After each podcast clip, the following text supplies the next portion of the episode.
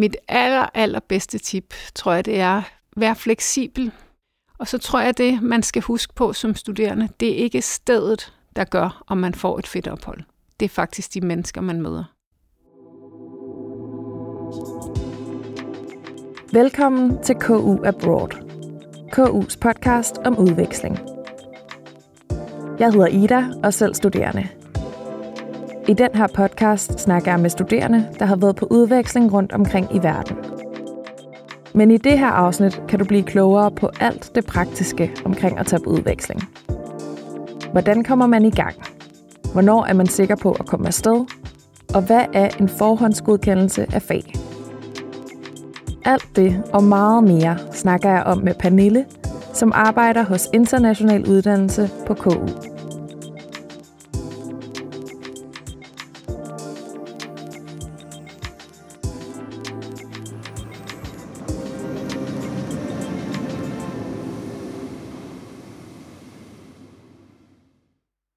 Pernille, vil du ikke lige starte med at præsentere dig selv? Jamen, jeg hedder Pernille, og jeg arbejder på øh, det, der hedder International Uddannelse, som er et øh, centralt kontor på KU, hvor vi står for alle de universitetsbrede udvekslingsaftaler, som vi har på Københavns Universitet, og for hele den her ansøgningsproces, øh, som studerende skal igennem, når de søger ud. Udover det, så har vi også øh, indrejsende studerende selvfølgelig, som vi øh, arbejder med, øh, men jeg sidder i det kontor, der arbejder med de udrejsende. Så altså studerende fra KU, der skal afsted på udveksling rundt ja, omkring i verden? simpelthen studerende fra KU, der skal, skal ud i verden, ja. Og hvad er din stilling der? Altså, jeg sidder primært med øh, de studerende, som skal øh, til Nordamerika faktisk, og vejleder dem på de universitetsbrede aftaler, vi har i Nordamerika. Og så sidder jeg også med øh, selve ansøgningsprocessen. Altså er med til at fordele pladser og vejlede studerende omkring ansøgningsprocessen. Så du er en af de personer, der kan svare på alle de spørgsmål, man kunne have i forhold til, hvordan man kan komme på udveksling? Ja, det vil jeg i hvert fald mene, at jeg kan. Hvad har du egentlig øh, selv af uddannelse? Jamen, jeg er faktisk selv kendt med fra øh, Københavns Universitet i engelsk og samfundsfag, og så har jeg jo så selv været på udveksling. Og øh, det er en af grundene til, at jeg sidder i den her stilling i dag. Fordi det simpelthen forandret hele mit studievalg og alle mine fremtidsplaner, efter jeg havde været på udveksling, så vidste jeg bare, at det var det her, jeg skulle arbejde med fremover. At jeg skulle hjælpe studerende med at komme ud, så de kunne få samme oplevelse, som jeg havde haft. Fedt. Så du har også selv prøvet at skulle igennem alt det her papirarbejde, men ja. ved også, at det kan betale sig. Ja, jeg ved, det kan betale sig. Altså, jeg har selv prøvet det. Det var en helt anden proces dengang, selvfølgelig. Øh, det er mange år siden.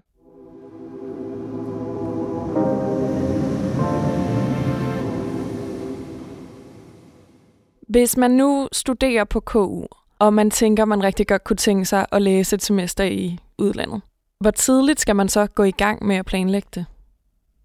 Jo tidligere, jo bedre. Men øh, altså jeg vil sige, i hvert fald et år før vil være en rigtig god idé, også fordi man skal søge rigtig tidligt. Men altså, man kan også godt nå det, hvis man er i sidste øjeblik. Man skal bare lige have noget tid til at undersøge, hvad det er, man søger ud på, øh, og hvad det er, ens muligheder er. Men altså, jo tidligere, jo bedre. Mm. Øh, man skal typisk søge ud næsten et år før man skal afsted. Så man skal være ude i ret god tid.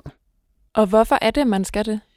Jamen det skal man øh, selvfølgelig både fordi man skal have noget tid til at undersøge mulighederne, men simpelthen også fordi, at øh, den her ansøgningsproces er i flere trin. Øh, så man starter med at søge hos Københavns Universitet. Man søger simpelthen om at blive indstillet til en udvekslingsplads. Når man så forhåbentlig er så heldig at blive indstillet, så øh, er der den øh, ting, at man også skal søge på værtsuniversitetet. Altså man skal simpelthen øh, også sende dem en ansøgning. Og øh, de har ofte nogle ret tidlige frister. Så for eksempel, hvis man skal ud i efteråret 2024, jamen så skal man søge i løbet af, af foråret 2024, og ofte måske allerede i januar eller februar måned. Så derfor bliver man nødt til at søge. Altså vi bliver nødt til at have en ansøgningsfrist, som ligger tidligt. Øhm, så der er lidt ting, man skal have planlagt, men der er også lang tid at gøre det i. Altså det hele kommer ikke på én gang. De forskellige trin ligger hen, fordelt hen over det her år, der så går fra man får pladsen til man skal afsted. Har du et godt tip til, hvordan man danner sig et overblik og ligesom går i gang med de her forskellige processer? Øh, ja, altså jeg vil jo foreslå helt klart, at man starter på studieinformationen.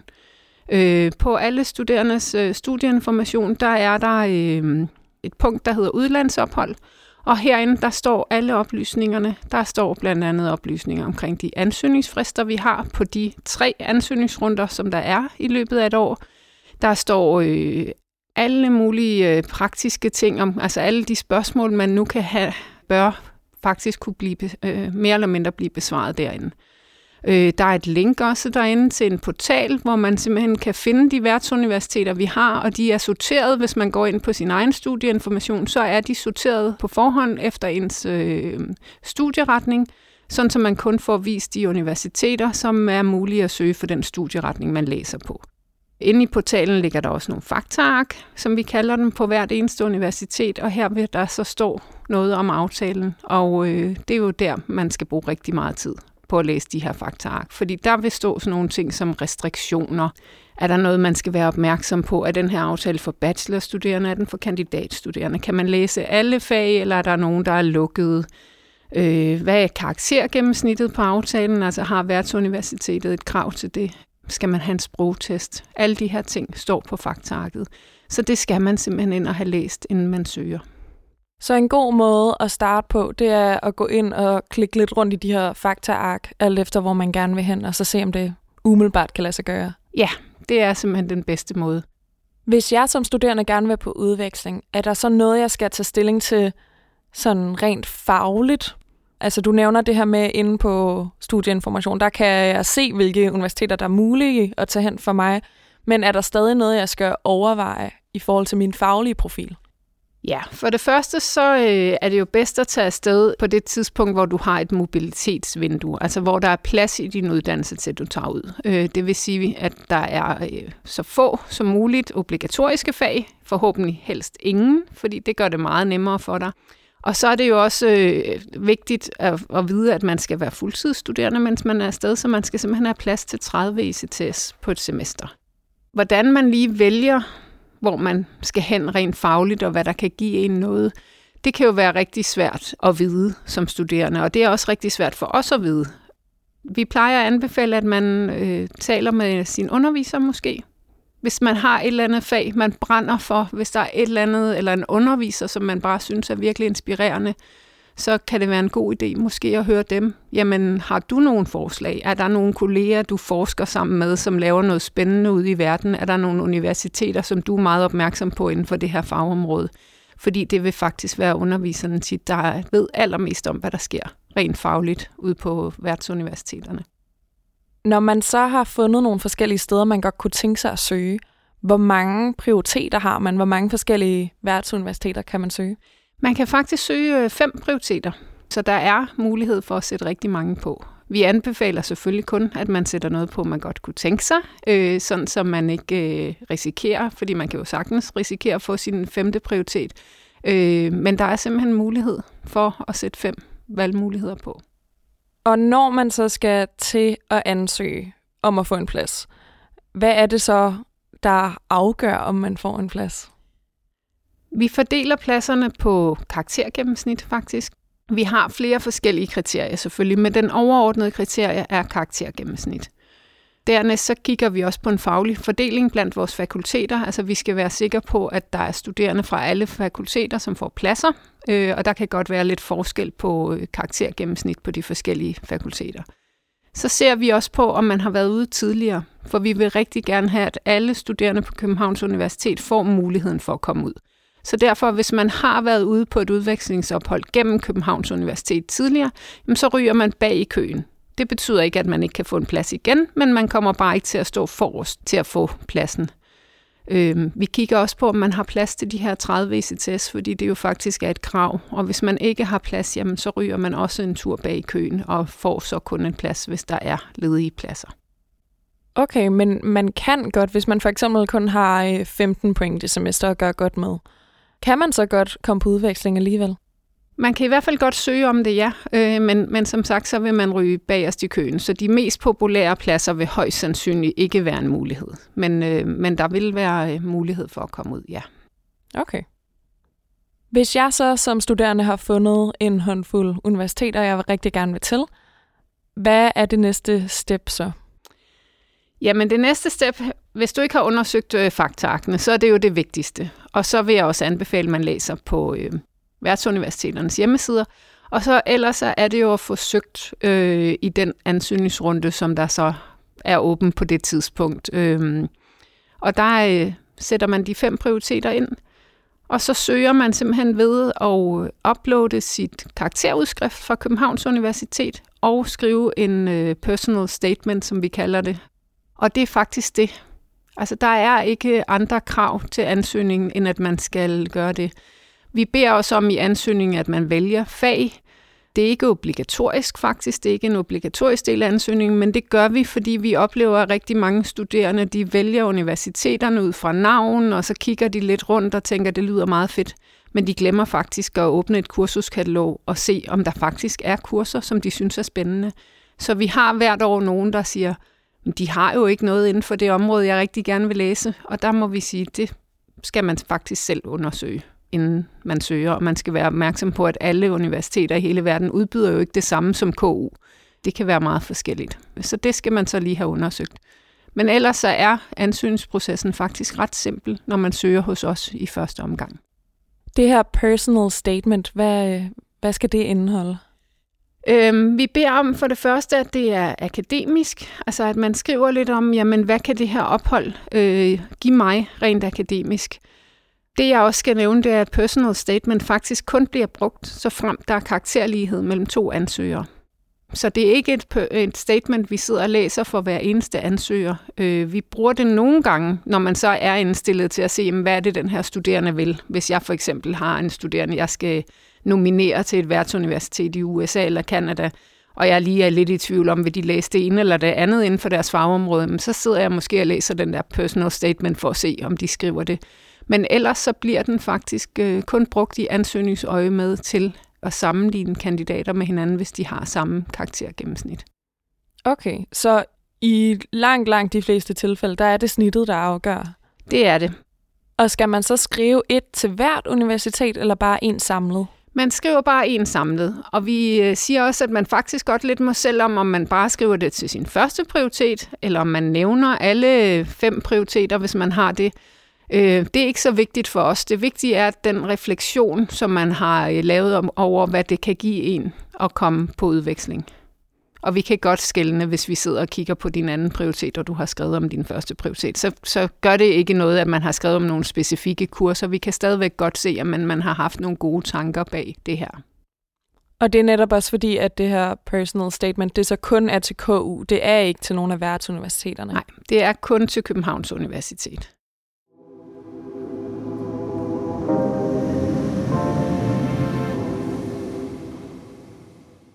Hvordan fungerer det så, efter at man har fået en plads et sted? Hvis man bliver indstillet til en plads, som vi er meget opmærksom på altid at sige til en studerende, du er indstillet, du har faktisk ikke fået pladsen endnu. Fordi så, skal, så bliver man øh, enten indkaldt til et møde på Københavns Universitet med den koordinator, der har aftalen, eller man får en e-mail med øh, instruktioner om, hvordan man skal søge. Og det kommer lidt an på, hvor man skal hen i verden, hvordan man får de her beskeder. Men man får hjælp fra Københavns Universitet. Det er ligesom det, der er det vigtige her. Man skal ikke selv bare begynde at søge ud, øh, uden at, at, at have fået noget øh, at vide fra os. Næste trin er simpelthen, at man søger til værtsuniversitetet, fordi de skal lige godkende dig. Vi indstiller kun studerende, som vi regner med vil blive optaget. Vi har mange års erfaring med at arbejde med vores partneruniversiteter, og det er også derfor, vi har lavet faktaarken, og vi har skrevet restriktioner ind, og så videre. Så vi indstiller kun studerende, som vi regner med kan blive optaget. Men vi kan ikke garantere det, fordi det er værtsuniversitetet i sidste ende, som har lov til at sige ja eller nej til en studerende. Kan du sige noget om, hvor sikker man nogenlunde er? Jeg kan sige så meget, som man er ret sikker. Øh, det er meget, meget sjældent, vi oplever studerende, der får afslag. Der kan være nogle ting øh, med, at man måske vil have nogle helt specifikke kurser, eller at man er på øh, kandidatniveau og har udset sig en eller anden bestemt kandidat, som lige pludselig på værtsuniversitetet er meget, meget populær. Og så som regel vil man faktisk blive optaget, men man kan måske ikke få nogle kurser. Og så kan det være, at man i sidste ende vælger som studerende at sige, så vil jeg ikke. Men det er sjældent, at det går galt. Så hvis man får en mail om, at man er blevet indstillet på et af de universiteter, man havde ønsket, så kan man godt begynde at glæde sig lidt? Ja, altså det vi siger, det er, at man kan godt begynde at planlægge og glæde sig. Altså der er selvfølgelig nogle ting, man skal ikke begynde at udleje sin lejlighed og sige sit job op, før at man ligesom er begyndt i hvert fald at søge til værtsuniversitetet og har hørt lidt mere fra dem. Og, men, men man kan sagtens begynde at glæde sig. Og man behøver ikke lave alle mulige backup-planer. Studerende kommer som regel afsted, når man er indstillet. Dejligt. Hvis man nu har søgt nogle forskellige universiteter, men ikke er blevet indstillet til en plads hos nogle af dem, hvad gør man så, hvis man stadig gerne vil afsted? Så søger man i næste runde, hvis der er en selvfølgelig det, for det efterfølgende akademiske år. Så vi har tre ansøgningsfrister i løbet af et år.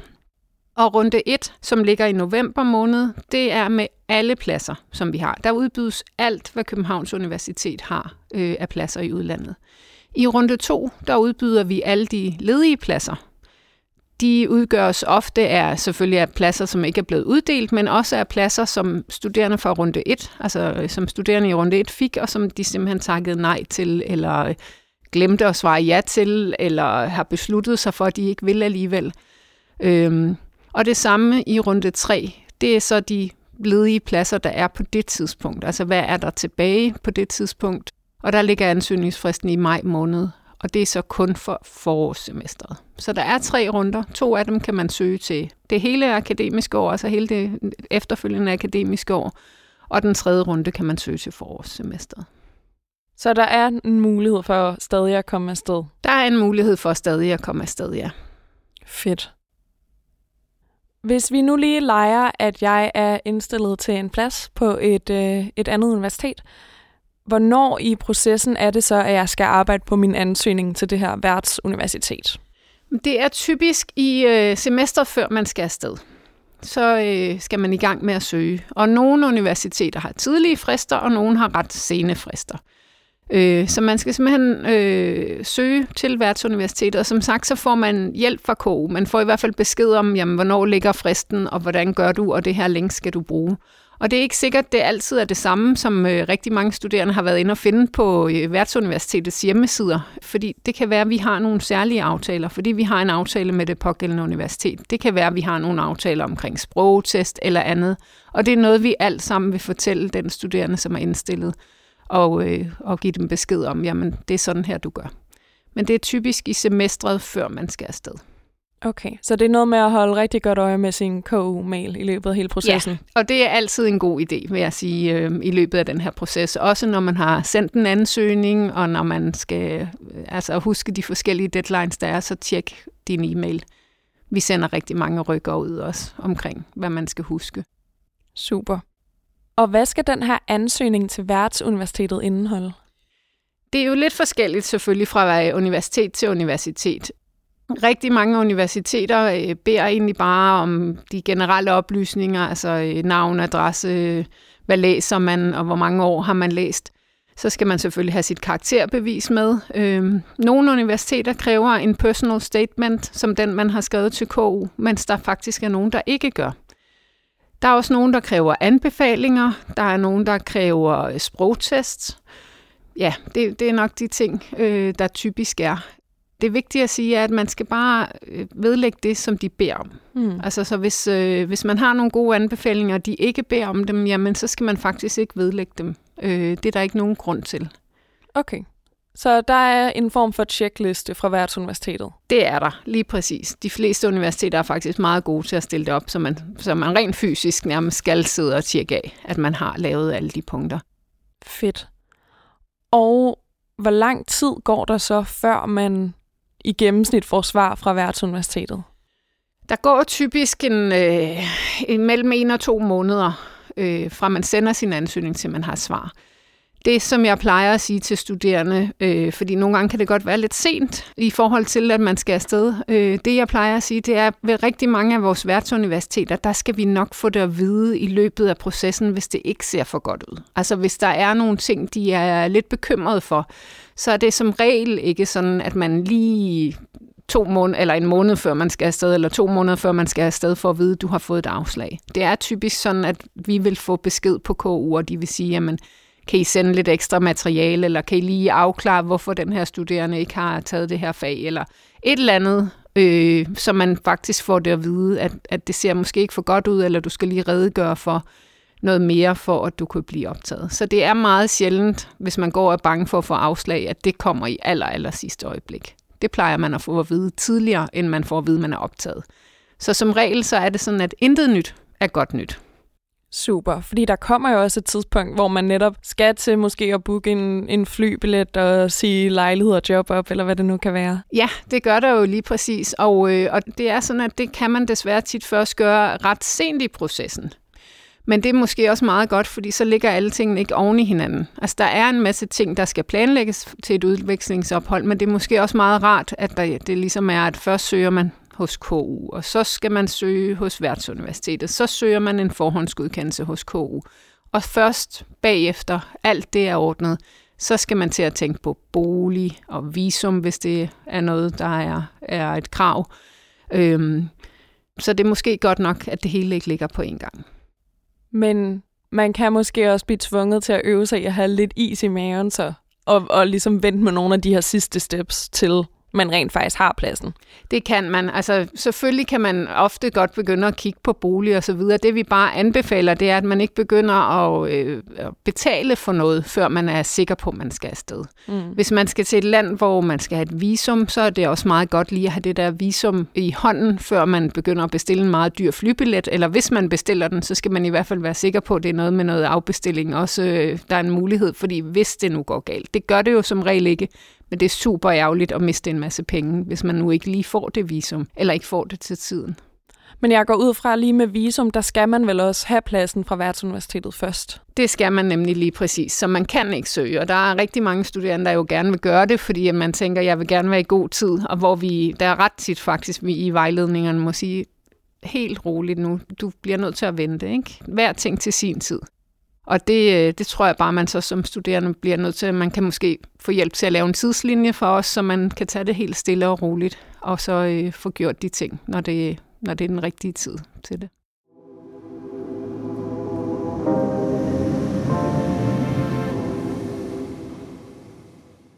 Hvis vi så lige kan snakke lidt om det sidste step i processen, det her med forhåndsgodkendelse. Ja. Hvad i alverden er det? Ja, en forhåndsgodkendelse, det er, øh, at man simpelthen skal søge Københavns Universitet om at få lov til at øh, erstatte kurser på Københavns Universitet med kurser i udlandet. Så det er simpelthen øh, ens garanti for, at det, du tager i udlandet, det kan blive overført, merit overført til Københavns Universitet. Sådan så du kan få dine 30 ECTS med hjem. Det er både et krav for at få pladsen. Vi beder simpelthen om, at vi skal have den her forhåndsgodkendelse, og den skal være på 30 ECTS, men det er også en garanti for dig som studerende, at du kan overføre de her kurser, så du ikke øh, spilder et semester i udlandet. Okay. Hvornår skal man egentlig søge fag hos værtsuniversitetet? Det kan være lidt forskelligt fra værtsuniversitet til værtsuniversitet. Nogle øh, værtsuniversiteter beder om, man allerede søger om fag i ansøgningen, når man sender den til dem, mens andre åbner op øh, lige før semesteret begynder for øh, fagtilmeldinger. Der er også på en del universiteter, hvor det er ret fleksibelt, hvor man for eksempel måske melder sig til før semesteret, men så kan man godt komme afsted, og så kan man øh, være heldig, at man kan skifte fag, når man er der, og man kan komme på ventelister osv. Øhm, jeg vil sige, det jeg har lært mest af, det er, når jeg læser erfaringsrapporter fra studerende, der har været afsted, for rigtig mange af dem skriver, jeg var meget stresset omkring fag. Jeg ville ønske, jeg havde vidst, at det nok skulle løse sig i sidste ende. Men det kan være noget, der først løser sig måske, når man står på universitetet i sidste ende, hvor det hele falder på plads. Men den her forhåndsgodkendelse ved KU, den skal vel ske, inden man tager afsted? Det skal det. Øh, det er rigtigt. Man skal have den inden, og man skal søge om den. Der er nogle forskellige frister, lidt forskelligt alt efter, hvilket fakultet man går på. Men øh, på mange af fakulteterne, der kan man faktisk søge om forhåndsgodkendelse af flere fag, end man har brug for. Og det vil jeg klart anbefale, at man udnytter, hvis man har den mulighed. Så man simpelthen finder så mange fag som muligt, fordi så er der mindre stress, hvis det er, at der er et fag, man ikke kan få, eller det er optaget, eller man finder ud af, at man bare slet ikke har lyst til det fordi så forhåbentlig er der et af de andre fag, man har søgt om, som så har ledige pladser. Og ellers, hvis man står på værtsuniversitetet og øh, ikke har fået forhåndsgodkendt et fag, og man hurtigt skal tage en beslutning, jamen så for det første skal man søge om en ændring af sin forhåndsgodkendelse, men ellers så må man også øh, prøve at kontakte sin studievejledning og høre, om de har nogle inputs til, om det må være noget, der er en god idé at tage. Jeg anbefaler også altid, at man læser sin studieordning, fordi der kan man få rigtig, rigtig mange svar på, hvad, hvad det egentlig er, man skal have, have bestået, eller hvad for nogle fag man skal tage på KU på den uddannelse, man læser. Det her med forhåndsgodkendelse, kan man egentlig godt lave den, inden man har fået pladsen for værtsuniversitetet? Eller hvornår i processen er vi lige, her? Øh, vi anbefaler, at man har, at man laver den, øh, mens man søger til værtsuniversitetet faktisk. Nogle fakulteter vil gerne have, at man er optaget, men så kommer man bare lidt langt hen i processen. Så altså, du skal være indstillet fra Københavns Universitet til pladsen, fordi ellers så skal du ikke søge forhåndsgodkendelse. Så skal vi behandle alt, alt for mange forhåndsgodkendelser. Så du skal være indstillet. Men så snart du er indstillet, så kan du faktisk godt begynde at kigge på de her fag. Og du kan også godt søge forhåndsgodkendelse, selvom der ikke er et fagkatalog ude for det pågældende semester, du skal afsted. Så søger du på nogle øh, gamle fag, øh, som har været udbudt på universitetet før, og igen søg om så mange som muligt, hvis du har muligheden for det. Og så øh, laver du øh, en ændring af forhåndsgodkendelsen, hvis det bliver nødvendigt. Okay. Så hvis vi nu siger, at jeg læser matematik på KU og skal til et universitet i Italien, så går jeg ind på deres hjemmeside og undersøger, hvilke fag der findes. Så finder jeg alle dem, der kunne være relevant for mig, og som jeg godt kunne tænke mig at have. Og så søger jeg om forhåndsgodkendelse for dem hos KU. Også selvom at det ligesom er der op til at være flere ECTS-point end, det, end de 30, jeg rent faktisk har. Ja, hvis øh, dit fakultet giver dig muligheden, så er det helt klart det, vi vil anbefale. Altså, vi anbefaler jo, at man tager afsted et semester, hvor man har ret meget valgfrihed, fordi så er der måske også en større mulighed for at øh, se på andre fagområder eller vælge nogle andre fag i forhold til, hvis man har et obligatorisk fag. Det er der, hvor man godt kan blive lidt presset, fordi måske er der kun et lignende fag på værtsuniversitetet, og hvad sker der så, hvis man ikke kan få det? Øhm, og det er der, altså det kan ske, desværre. Det sker af og til. Og der anbefaler vi jo så, at man arbejder med sin studievejledning omkring, er der noget andet, man kan gøre? Kan jeg tage et fag fra næste semester? Kan jeg måske, hvis jeg er bachelorstuderende, allerede nu tage et kandidatfag? Er det en mulighed? Og det er desværre ikke noget, det kontor, jeg arbejder på, kan vejlede om, men det er noget, man kan få vejledning om på sit fakultet, og noget, som de typisk gerne vil hjælpe med at prøve at løse, hvis de kan, fordi at alle er jo interesseret i, at du kommer hjem med 30 ECTS, så du har flest mulige øh, ECTS, og du ikke spilder tid på dit udvekslingsophold. Sådan som jeg hører dig, så er det meget forskelligt fra universitet til universitet, hvordan det er i forhold til, hvornår man skal søge fag. Ja. Hvad så, hvis man kommer afsted, og det netop ender med at ændre sig lidt, hvilke fag man skal have? Så skal man vel så lave en forhåndsgodkendelse igen? Ja, altså på nogle fakulteter skal man søge om en helt ny forhåndsgodkendelse, eller søge om den igen. Der kan godt være nogle af de samme fag på, og på andre søger man om en ændring af forhåndsgodkendelsen. Det er noget, både noget, man skal gøre, men også noget, at jeg helt klart vil anbefale, at man husker at gøre, fordi det som sagt er den der garanti for, at når du kommer hjem, så kan du få overført kurserne. Mm. Og det hedder vel en forhåndsgodkendelse, fordi der så også er en godkendelse. Er det så den, der ligger, når man kommer hjem, at KU så kan godkende ens fag? Ja, altså så når man kommer hjem, så søger man om en meritoverførsel af fagene, og hvis det er de fag, man har fået forhåndsgodkendt, så bør det gå fuldstændig smertefrit, fordi man er simpelthen blevet tilmeldt dem. Altså en forhåndsgodkendelse er faktisk også en fagtilmelding. Det betyder også, at den går ind og spærer og simpelthen melder dig til de fag, godt nok i udlandet, men altså der er ligesom er spærret på KU for, at du tager nogle fag, og du er tilmeldt. Øhm, det betyder også, at du kan for eksempel ikke tilmelde dig fag hjemme på KU på samme tid, Øh, med mindre at du selvfølgelig kun tager 15 ECTS i udlandet, så kan du tilmelde dig 15 ECTS hjemme. Men det er en, øh, en garanti øh, for, at du får det merit overført, som du har fået forhåndsgodkendt. Og hvorfor er det en forhåndsgodkendelse er vigtig? Den er vigtig af flere årsager. Øh, for det første for dig selv som studerende, for at du har den her garanti, øh, at du ikke lige pludselig kommer hjem og skal kæmpe for at få overført det, som du har, har taget i udlandet så er den også vigtig for Københavns Universitet, fordi at det jo simpelthen er sådan her, at når vi indgår udvekslingsaftaler, så øh, skal vi udveksle en studerende for en studerende, eller 30 ECTS for 30 ECTS, hvis man simpelthen kigger på det. Og det er, øh, der skal være balance i regnskabet, så Københavns Universitet har indgået de her aftaler øh, med partneruniversitetet, og de er indgået på, at vi skal holde en balance. Hvad gør man egentlig som studerende, hvis man har fundet nogle fag hos et værtsuniversitet, som man helt vil gerne vil have? Man søger dem, men man får ikke plads på dem. Ja, altså det kommer jo lidt an på, tror jeg, hvor i verden det er. Fordi nogle steder i verden, for eksempel de, på de anglosaksiske universiteter, der kan man ofte øh, være heldig, at man kan prøve i hvert fald at gå ind og tale med en underviser og se, om der kunne være plads. Øhm, men ellers, hvis der ikke er nogen muligheder overhovedet, så er der jo ikke så meget andet at gøre, end at man må prøve at vælge noget andet, prøve at finde noget andet. Og det er også derfor, det er super godt, hvis man har noget valgfrihed. Øh, og at man heller ikke ligger sig fast på, jamen jeg vil kun til det her universitet på grund af det her ene fag. Fordi så kan det godt være, at man desværre bliver skuffet, fordi det kan vi heller ikke garantere. Altså, når vi vælger ansøgere, så kigger vi faktisk heller ikke, altså det, vi, vi vælger ikke ud fra, hvilke fag øh, man har søgt.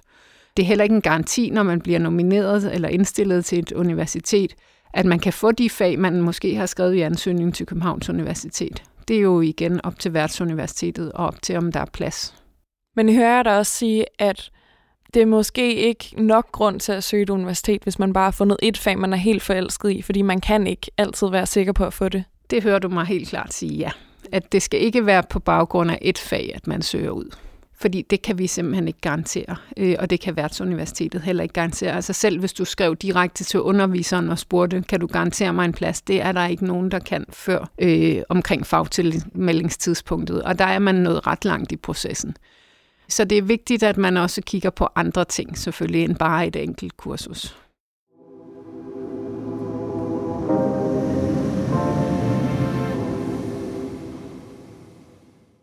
KU har de her erfaringsrapporter. Kan du ikke lige forklare, hvad det er? Når en studerende har været ude på et udvekslingsophold, så øh, når de kommer hjem, så skal de afrapportere til international uddannelse, altså til det kontor, som jeg arbejder i. Og afrapporteringen af opholdet, det er egentlig mere sådan, at vi bare gerne lige vil høre, hvordan gik det. Og en af afrapporteringerne er, at man øh, svarer på et spørgeskema. Og det her spørgeskema har en masse fritekstfelter. Øh, vi spørger ind til, hvordan det var. Vi spørger ind til bolig, vi spørger ind til det akademiske, vi spørger ind til, hvordan modtog værtsuniversitetet der. Og det er faktisk det, vi kalder en erfaringsrapport, eller en afrapportering. Og den bliver offentliggjort, hvis man siger ja til det, selvfølgelig, for andre studerende, så de kan læse omkring det. Og rigtig mange studerende bruger det meget og er meget glade for det, så derfor håber vi også, at når man kommer hjem, at man har lyst til at bruge noget tid på at udfylde det. For det er ikke kun til KU, det er faktisk til dine medstuderende, så man kan fortælle omkring, hvordan det var. Fedt. Så de ligger tilgængeligt, så man kan gå ind og læse. Hov, der er en her, der har været på det universitet, jeg godt kunne tænke mig. Hvordan var det? Ja, det gør de, øh, og de ligger simpelthen inde i øh, den her portal, som jeg også har nævnt før, hvor man kan se det, vi kalder faktaark, og man kan se universiteterne. Der er så en fane, man også kan trykke på, som hedder Reports, og der ligger de her rapporter så fra de forskellige universiteter. Super. Som vi allerede har været lidt inde på, så er der jo en hel masse praktiske ting, man skal tage sig af, når man skal på udveksling. Så jeg kunne godt tænke mig, hvis vi lige kunne sammen lave sådan en lille huskeseddel over nogle forskellige ting, man skal tænke på. Ja. Hvad tænker du umiddelbart, at der skal stå på den? Det kommer lidt an på, om vi skal gå helt tilbage og starte med ansøgningsprocessen, men ellers, hvis man siger, at vi venter til, man har fået pladsen, øh, jamen så vil det være ting som bolig, selvfølgelig. Det vil være ting som visum. Det vil være ting som forsikring, som er super, super vigtigt, at man husker at få tænkt på. Og så er der selvfølgelig altså flybilletter, som man skal have bestilt. Det kan være ting, som, altså vi anbefaler også, at man husker sådan nogle øh, ting, som at melde sig til danskerlisten, for eksempel her øh, på Udenrigsministeriets hjemmeside, så man husker at fortælle øh, Udenrigsministeriet, hvor man er hen i verden. Mm. Det var nogle dejlige, konkrete ting. Et kæmpe punkt, det er jo også økonomi. Hvad plejer et udvekslingsophold at koste? Hvis man skal inden for Europa, så er der jo et øh, Erasmus stipendium, som man kan få med. Og det tror jeg hjælper rigtig mange studerende til at dække en meget stor del af deres udgifter. Hvad er et Erasmus-legat? Et Erasmus-stipendium, det er øh, simpelthen et stipendium, som man får af EU. Altså det er et EU-program, Erasmus-programmet. Øh, så universiteter, som ligger inden for Europa, eller er med i det her Erasmus-program, det vil sige alle øhm, universiteter i EU, med, eller alle europæiske universiteter, med undtagelse af øh, Schweiz og Storbritannien, som jo er trådt ud af EU, så kan man få et Erasmus-stipendium, og det er faktisk et øh, ret gavmildt stipendium, øh, hvor man får et øh, beløb. Altså man får et vist beløb per måned, men man får det hele udbetalt øh, i to rater af Københavns Universitet. Hvis man rejser uden for Europa, så øh, har vi det, der hedder KU's internationaliseringsstipendium. Og det er et noget mindre beløb. Det kan hjælpe til at måske at dække flybilletten, måske kun noget af flybilletten, alt efter hvor man skal hen. Måske lidt forsikring, det kommer lidt an på, hvor man skal hen. Og det bliver givet til cirka en tredjedel af ansøgerne, fordi vi har simpelthen desværre ikke penge til, til alle. Så der vil man skulle ud og finde lidt flere penge. Og desværre er det jo også sådan ofte, når man rejser uden for Europa, at det er også ofte dyrere. Altså det er både dyrere med øh, flybillet, øh, men det kan også være dyrere i, i nogle af de store byer rundt omkring i verden med husleje. Så det er også noget, man kan overveje, når man skal vælge en udvekslingsplads. Jamen, tænk på måske, at øh, storbyerne, hovedsteder, er ofte dyrere at bo i end mindre byer. Her til sidst kunne jeg godt tænke mig at høre dig, hvad dit allerbedste tip er til en, der godt kunne tænke sig at komme på udveksling. Mit aller, allerbedste tip, tror jeg, det er vær fleksibel. Og så tror jeg, det man skal huske på som studerende, det er ikke stedet, der gør, om man får et fedt ophold. Det er faktisk de mennesker, man møder. Det er rigtig tit, at det er fuldstændig lige meget, hvor du er hen i verden. Fordi det kommer så meget an på, hvem du er der sammen med. Og ikke øh, hvem du er der sammen med af KU-studerende, men hvem du møder, når du kommer derud.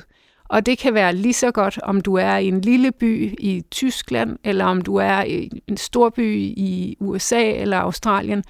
Det er noget med, hvem du møder. Det er tit det, vi ser også i folks erfaringsrapporter, at det, der har gjort, at deres ophold var fantastisk, jamen det var alle de der nye venner, de fik. Og KU indgår ikke aftaler med nogle universiteter, som ikke er gode universiteter. Så vi har ikke nogen steder i verden, som vi ikke kan anbefale at tage hen. Øh, så vil vi ikke have det på vores lister. Så nogle gange skal man måske lidt overveje os at være fleksibel og tænke ud af boksen og prøve noget andet.